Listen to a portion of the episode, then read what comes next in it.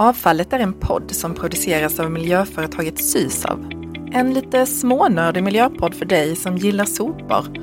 Eller ja, hur sopor hänger ihop med konsumtion, miljö och klimat och så. Avfallet, en riktigt sopig podd helt enkelt. Hej Rustan! Hej Jan!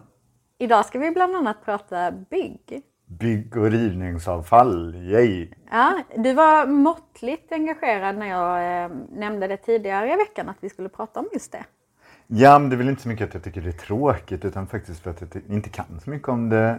Tycker det verkar svårt, krångligt, det är så mycket att hålla reda på och plus det svåraste tycker jag väl är att det är så lång, långa tidsspann liksom ifall vi ska prata cirkularitet. Vad menar du då? Jag menar att vi bygger någonting idag som kanske kommer rivas först om 150-200 år. Förhoppningsvis. Och, och hur ska man då tänka när man bygger? Men varför ska vi snacka bygg och rivningsavfall då ifall varken du eller jag direkt brinner för den här frågan? Bygg och fastighetssektorn står för cirka 20 procent av Sveriges totala koldioxidutsläpp och materialproduktionen utgör också en betydande andel. Och dessutom har jag läst att det är en jäkla massa avfall som kommer från den sektorn. 10 miljoner ton per år eller något sånt där galet. Mm. Och det finns ju verkligen förbättringspotential i den här branschen, både gällande material och transport och energi och uppvärmning. Så det finns ju att göra. Men eftersom jag då inte är så kunnig och du kanske inte är heller världens expert på det. Va? Så har vi bjudit in två gäster till det här programmet som däremot kan den här branschen jättebra. Och eh, en av gästerna i podden idag, då har vi ju faktiskt en person som har lyckats med konststycket att ge byggbranschen och rivningsbranschen en känsla av både flärd och glamour. Och i mitt, visserligen kanske något nördiga LinkedIn-universum så är hon en riktig stjärna. Vi kommer få besök av Amanda Bornecke kan vi säga, för vi ringde upp henne och snackade lite med henne tidigare. Mm. Och lite senare så kommer jag prata med en kollega till oss som heter Olof Lövgren. Yay. Han är affärsutvecklare och kommer att prata just om eh, ja, men hur Sysav kanske lite ser på och hur han ser på bygg och rivningsavfall. Yes. Ska vi testa att fortsätta köra mitt eh, depp och pepp-koncept så ska vi avsluta med den och så ska vi börja kanske idag med hiss eller diss-grejen för den tyckte jag var rolig i alla fall. Okej, okay, men då vill jag faktiskt hissa. Jag läste vi, ett pressmeddelande från oss också som gick ut idag. Det var att eh, nya rekord på våra panta, pantamaskiner vi har på våra återvinningscentraler. Där kan man ju när man lämnar till pant så kan man ju välja att trycka på knappen att skänka pengarna till Läkare utan gränser. Och det är rekordmånga som har gjort det. Jag vill hissa och hylla och säga tack, tack, tack, tack, tack till alla som gör det. Så himla bra. Och då vill jag också passa på att dissa de som inte ens pallar sticka och panta. Även om man behöver pengarna själv eller vill ha pengarna själv, inget fel med det. Men man pallar inte ens panta utan man slänger sådana här burkar och flaskor i restavfallet. Inte ens i metallåtervinningen? Nej, man pallar liksom inte ens lägga det i det andra facket eller gå till en återvinningsstation. Vet du hur många procent eh, utav förpackningar vi hittar i restavfallet? I en genomsnittlig villatunna i vår region, i Sysav, så är det faktiskt, tror jag, 36 procent eller sånt där som är förpackningar och tidningar. Mm. Alltså som inte ska vara där. Mm. Då blir det att man måste hämta nya jungfruliga resurser från den här planeten vilket är mycket mer energibelastande, utsläppsbelastande, klimatbelastande, bla bla bla. Och just när det gäller metallburkar också, metaller är ju faktiskt någonting som håller på att ta slut. Ja, dessutom. Så hiss alla ni som pantar och framför allt alla ni som pantar och har möjlighet att trycka på knappen Läkare utan gränser. Det är fantastiskt. Hurra för er! Och diss ni andra som inte ens pallar panta. Skärpning, skärpning, skärpning, skärpning. Okej? Okay? Okej. Bra, då fick jag det sagt. Ja, vad det känns skönt att få lite sånt där. Det blir som en terapitimme här för dig också. Ja, mm. men du jag tänker faktiskt att vi ska hoppa på intervjun vi gjorde med Amanda direkt. Mm. Nu. Vår första gäst kan beskrivas som en äkta återbruksdrottning. Mångfaldigt prisbelönt för sitt klimatarbete i tunga industrier. Vi välkomnar Amanda Bornecke. Hej Amanda, det är Rustan på Sisal. Hej Rustan, och vad kul att höra ifrån dig. Ja, detsamma. Vad kul att du vill vara med i vår podd. Mm. Vi snackar ju bygg och rivningsanfall och det kan ju du jättemycket om. Och det har blivit mitt specialområde nu och verkligen någonting att jag brinner för. Byggsopor, det är lite roligt. Ja, det är verkligen det. Där har vi ju något gemensamt att vi båda brinner för sopor. Men bygg, byggsopor, är det. jag kan inte jättemycket om det. Men du har blivit beskriven som återbruksdrottning och du är prisbelönt för att ha jobbat med det här. Hur kommer det sig? Hur halkade du in på det där? Verkligen bara halkade in eh, på ett bananskal i branschen för drygt två år sedan. Jag blev headhuntad till CS. Alltså jag hade en egen konsultbyrå innan. Så blev jag headhuntad till CS att köra ett uppdrag för dem och sen blev jag fast. Helt eh, förälskad i branschen och att det verkligen är en bransch som har ropat på hjälp, tycker jag, så länge, men som inte har fått hjälp med de hållbarhetsutmaningarna som de står inför. Och vad är det för utmaningar då som de har stått inför och står inför? Eh, det är oftast så är det tre delar. Det är att man ska ha eh, fossilfria maskiner, skapa cirkulära affärer och engagera medarbetare. Det är de tre grejerna som man har mest problem med. Okej. Och det vi kanske ska foka lite med, mer på är de här cirkulära grejerna då. Jag tycker att det verkar så svårt att vara cirkulär inom byggsvängen därför att man bygger någonting som förhoppningsvis ska stå 100-200 år. Och hur ska man då veta hur framtiden ser ut när det gäller cirkulering av de material och grejerna man har stoppat in i de där husen? Är inte det kluddigt att sitta och klura på det? Alltså dels är det ju vilka material man använder så att de är hela och rena fri från så många kemikalier som möjligt för att annars kommer vi ju aldrig kunna återanvända dem sen när byggnaden väl rivs. Sen kan det också vara hur man bygger som spelar roll, att man kan bygga cirkulärt genom att använda mindre lim, mer skruv för att det helt enkelt ska bli lättare att demontera om typ 100 år. Okay. Så man ska försöka se byggnaderna som kanske som en materialbank som liksom ska hålla de här materialen till oss tills vi behöver använda dem igen. Ah, gud det var ju smart sagt. Jag har ju läst att det, det, finns nya krav på gång från EU när det gäller cirkulär produktionslinje. Hur, hur gör du för att motivera de här mest omotiverade som känner sådär, ah, nya krav, vad jobbigt, varför måste vi göra det? Alltså jag brukar ju se dem som en affärsmöjlighet. Alltså istället för att vi ska betala för att lämna bort våra sopor någonstans så kan vi faktiskt få betalt för att någon kommer och hämtar dem. I rena produktionskedjor kan det också handla om att vi måste effektivisera våra energi och vattenflöden så att produktionen i sig blir mer cirkulär. Då sparar vi också pengar. Och jag tycker att cirkularitet är ett sätt att hålla egentligen hållbar, hållbarhetsarbetet så nära kärnverksamheten som möjligt. Och då är det egentligen vi tjänar mest pengar också. Så det brukar vara mitt motto. Rädda planeten, tjäna pengar. Okej, okay. och när de går hand i hand, det är då vi kan lyckas?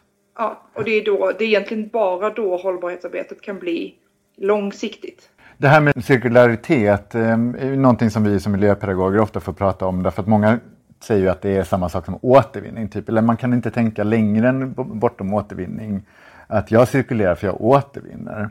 Återvinning är visserligen bra. Återanvända är ju ännu bättre. Men bäst är ju faktiskt minimering. Hur bra är branschen på minimering idag? Skulle du säga? Vad är nuläget på den fronten när det gäller att minimera avfall? Det kan vara sådär. Alltså det är ju eh, samma problem som många andra branscher står för också. Till exempel när man får en fel leverans mm. av material. Men i byggbranschen så blir det mer problematiskt för att vi pratar om så stora volymer och att det faktiskt är eh, material som är färskvara som liksom inte går att använda eller återanvända om vi inte använder den just på det specifika stället då vi beställde det. Betong är ett sådant exempel.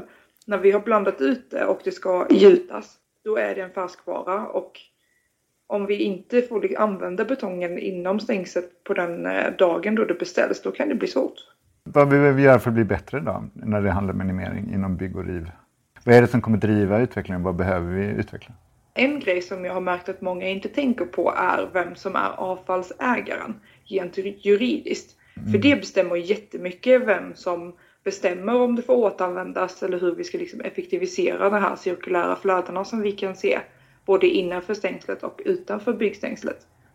Så till exempel när man har ett löpande jobb i byggbranschen, då är det kunden som äger avfallet och då är det alltid de som bestämmer vad som ska hända med materialet. Okay. Men har vi ett fastprisjobb, då är det entreprenören som äger avfallet och då bestämmer vi som rivare mycket mer vad som ska hända med det materialet. Så här har man ju en, en chans att kunna bestämma mycket mer över processen beroende på vad det är för upplägg och vad det är för uppdrag. Okej, okay. du fattar. Man kan ju styra ganska mycket med upphandlingar också när det gäller cirkulära flöden.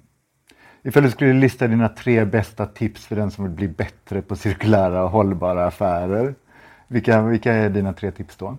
Det första skulle ju vara framförallt alltså kommuner, stad, stat måste bli mycket bättre på att upphandla cirkulära och veta vad de ska, vad de ska kravställa för någonting. Och då finns det ett dokument som heter Cirkulära flöden i byggbranschen. Den har jag varit med och skapat ifrån eh, CS RIV och Göteborgs stad, Framtiden AB. Eh, en guide för hur man upphandlar cirkulära tjänster som har blivit redan mångfaldigt prisbelönad. Det är väldigt, väldigt kul. Blivit ett superpopulärt dokument. Och där finns goda exempel hur du liksom kravställer på en rivare. Den är klockren och jättekul att förstå.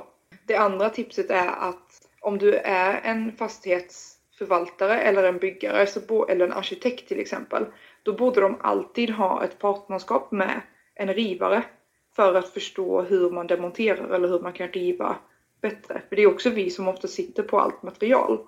Så här pratar man samverkanskraft istället för konkurrenskraft. Just det. Och då blir det också ett naturligt sätt hur vi liksom sluter cirkeln att på något sätt de som börjar bygga måste ju samarbeta med de som någonstans ska demontera det Precis. och så sluts. Så mer kunskap i hela kedjan. Det är, mm. det är väl det vi har landat i tycker jag de senaste åren ju mer vi pratar. Att liksom öka förståelsen för varandras branscher eller varandras villkor i kedjan för att det ska funka. Mm. Mer samarbete och förstå att det där är en specialistkompetens att kunna demontera och återbruka rent fysiskt ute på plats. Ja, vi ser det i avfallsbranschen mycket. Liksom att, ja, men vi, vi har gjort den här komposterbar. Ja men vadå, vi komposterar inget avfall. alltså varför har ni gjort en komposterbar? Vi kommer ändå antingen energiåtervinna den eller göra något annat med den. Liksom. Man måste förstå vad som händer sen i nästa steg i kedjan. Okej, okay, det var två tips. Har du ett tredje på lager? Ja, det har jag. Och det är att köpa mer återbrukat material. Och det kan man göra via en sån här materialbank som vi pratade om innan. Mm. Så antingen kan en materialbank vara ett en bostad eller så kan det vara som en onlineplattform där man liksom listar allt det här materialet vad det finns. Eh, och en sån finns redan. Den är framtagen av ett projekt som heter Återbruk Väst och eh, finns inne på CC Bild. Marknadsplatsen heter den. Så den tycker jag man ska kolla in. Så att man får snurr på lite återbrukat material i branschen. För annars är det väldigt lätt att prata återbruk att vi ska återbruka mer och så samlas det här materialet någonstans men sen är det ingen som köper det för att man vet inte om att det finns. Så det där är absolut en, en nyckel för att låsa upp liksom, hållbara beteenden i vår bransch. Absolut, jag håller med. Men du Amanda, gud det här var jätteroligt. Ja, jag... tack detsamma. Wow, vilken bra podd. Jag ser fram emot att lyssna på flera av era avsnitt. Och om folk tyckte att det var bra det jag sa så får ni jättegärna följa mig på LinkedIn eller sociala medier. Där heter jag Amanda Borneka. Det kommer säkert fler göra. Men du, tack som fasen. Vi hörs. Ha det gott Amanda. Hej då. Det märks verkligen att Amanda är van att prata om de här grejerna. Ja, hon sa massa bra saker också tycker jag. Verkligen. Vad tog du med dig från samtalet? Vad är det, vad är det som verkligen har fastnat? Eh, jag tror nog faktiskt det var det här med att man kunde se byggnader som en slags materialbank eller resursbank. Eh, men för att det ska funka så, så kräver det också den här specialistkunskapen. Precis, den här specialistkompetensen som hon nämnde. Det kanske är en helt ny yrkesgrupp eller en utbildning som man måste gå för att faktiskt kunna både bygga och riva utifrån ett eh, cirkulärt tänk. Men de här eh, materialbankerna då som byggnader kan vara, det kräver ju som du sa specialistkompetens. Men när man föreställer sig rivningsbranschen så är det ju bara att man pajar allting. Mm, snabbt ska det gå. Eh, snabbt ska det gå ner i en blandad container. Och det är ju synd, alltså, det är mycket bättre att sortera vid källan. Det är lättare. Tänk dig själv att man byggt något med lego i legobitar av olika färger. Och sen ska du plocka ner den här legobyggnaden och så blandar du allting och sen börjar sortera färgerna. Det är bättre att direkt när du plockar ner det lägga Lägger rött, till rött och gult till gult. Det blir mycket enklare. Och eh, enklare för avfallsbolagen att hitta avsättning för materialen också. Och det här ska vi snacka lite om nu, eller hur? Mm, precis, med Olof. Oh. För vi tar emot eh, blandat avfall i containrar, jättemycket precis. 34 000 ton förra året gick jag och kollade upp. Som kommer precis helt blandat som är tanken att vi ska sortera Ja, ifrån. och det är kluddigt när det blandats ihop. Att mm. få det bra och hitta ekonomin i det också. Mm. Och i mitt samtal med Olof som vi ska lyssna på nu, där nämner han just sortering som en viktig åtgärd.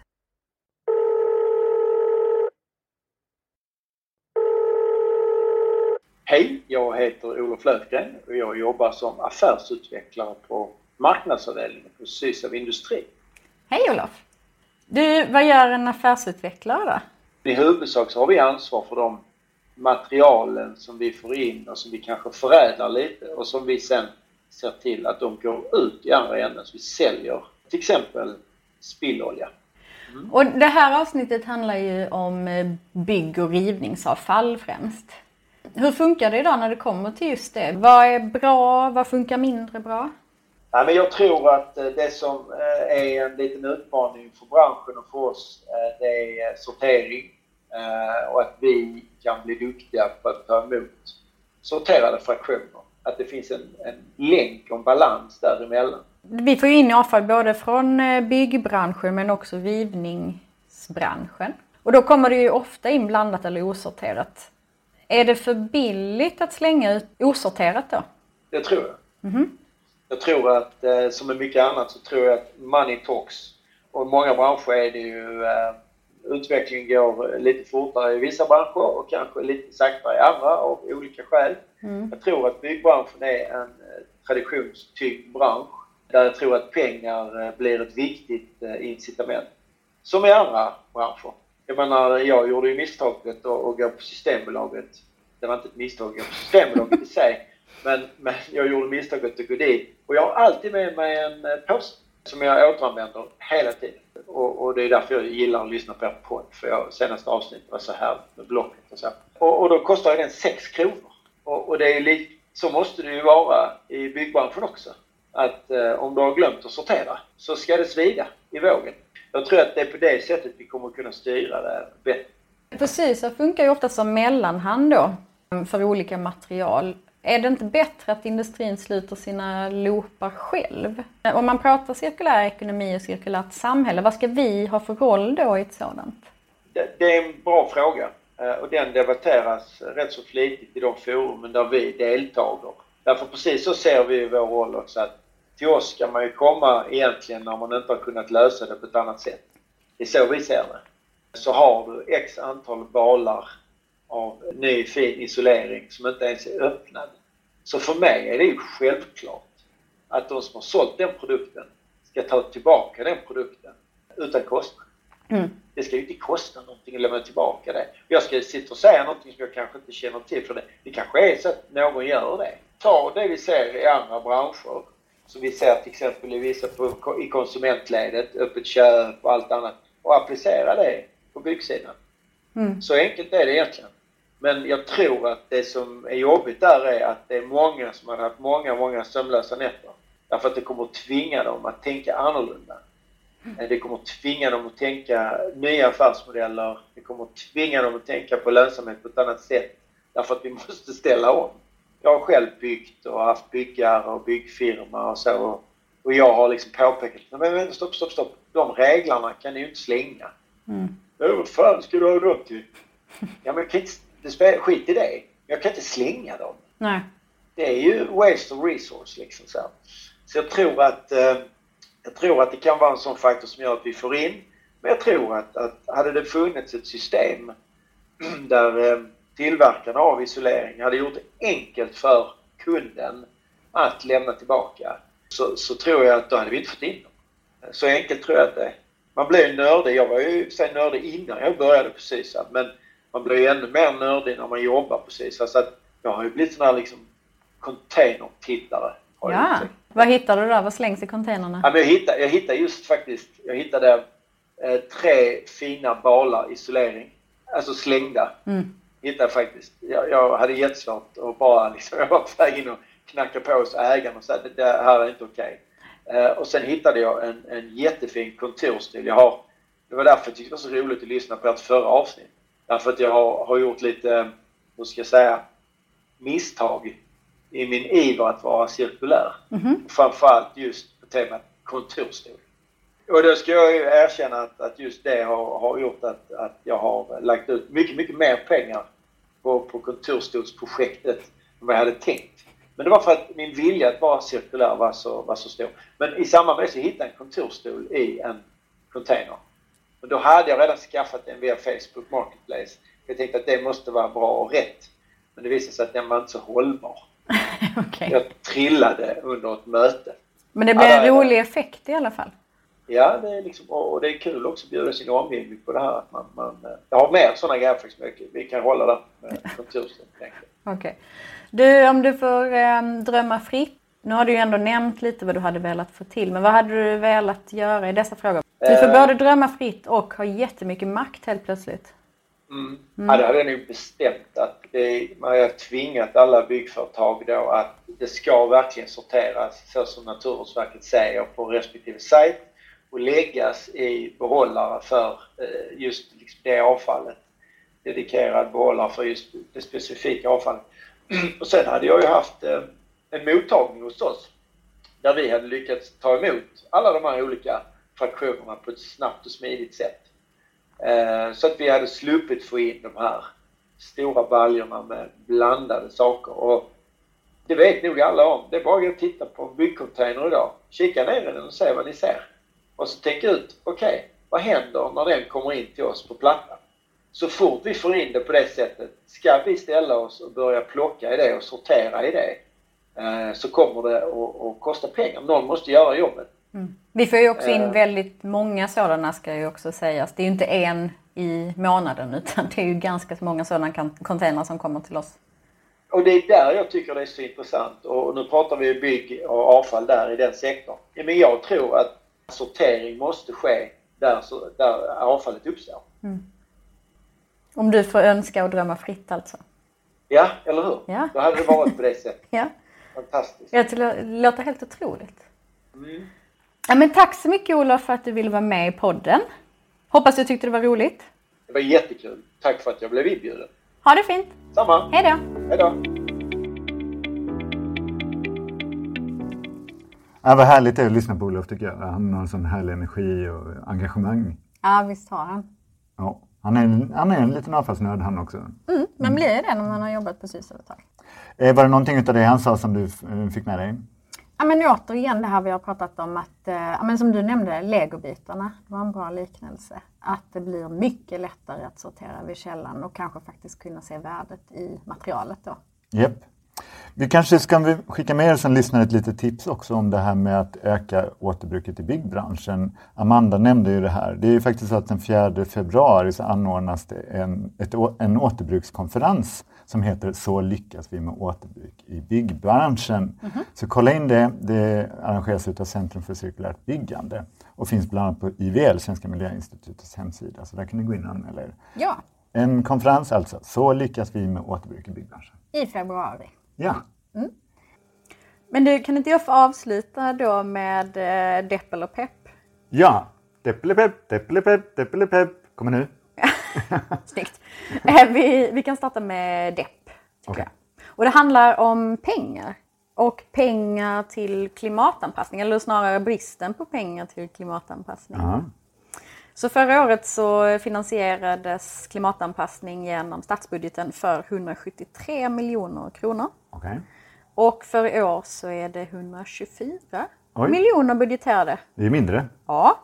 Och för år 2021 och 2022 så blir det 78 miljoner kronor per år. Oj, det är mycket mindre. Mm. Eh, men är inte det en glad nyhet? Betyder inte det att klimatkrisen är över eller något sånt där? Att vi inte behöver klimatanpassa? Nej, det kanske inte riktigt så. Utan det kanske handlar mer om att vi har ett ansträngt budgetläge för tillfället. För det är Ehm, faktiskt så att kostnaden för klimatanpassning har ökat. Har jag läst. Precis, behovet av pengar till klimatanpassning ökar rätt snabbt. Men så har anslaget mer än halverats. Och Okej. det, det gör ju inte klimatkrisen mindre för att vi får mindre pengar till den. Nej, det var ju faktiskt deppigt. Vi får väl anledning att återkomma till det och kolla lite hur de har tänkt där. Precis, det tycker jag att vi ska göra. Okej. Men vad är det peppiga då? För nu behöver vi en glad nyhet också. Mm. Vad har du blivit, fått peppigt av? Men det här är en nyhet som går rakt in i mitt avfallshjärta i alla fall. Vadå, Eh. har det med barn att göra nu? Ja, det har med barn Ah, att göra. Du är en sån sucker för barn. Ja, ja, verkligen. Det är ett gäng eh, elever på en skola som heter Långsjöskolan. Några elever i trean som har engagerat kompisar, föräldrar och andra i deras närhet att plocka skräp. Och då kanske du undrar, hur mycket skräp har de fått ihop? Hur mycket skräp har de fått ihop då? Ett ton skräp! Oj, det var inte illa. De är alltså nio år gamla. Mm. De är nio Gud år vad gamla. gulligt. Det är helt otroligt gulligt. Och just när det är avfall och barn i kombination är det ju ännu finare. Ja. ja, men det gillar vi. Vi, vi träffar en del barn Mm. i vårt jobb som miljöpedagoger. Och ibland brukar jag använda vad barnen har sagt för att liksom vuxna ska förstå, Mm. men utan att skriva de vuxna på näsan. Så det är också ett trick.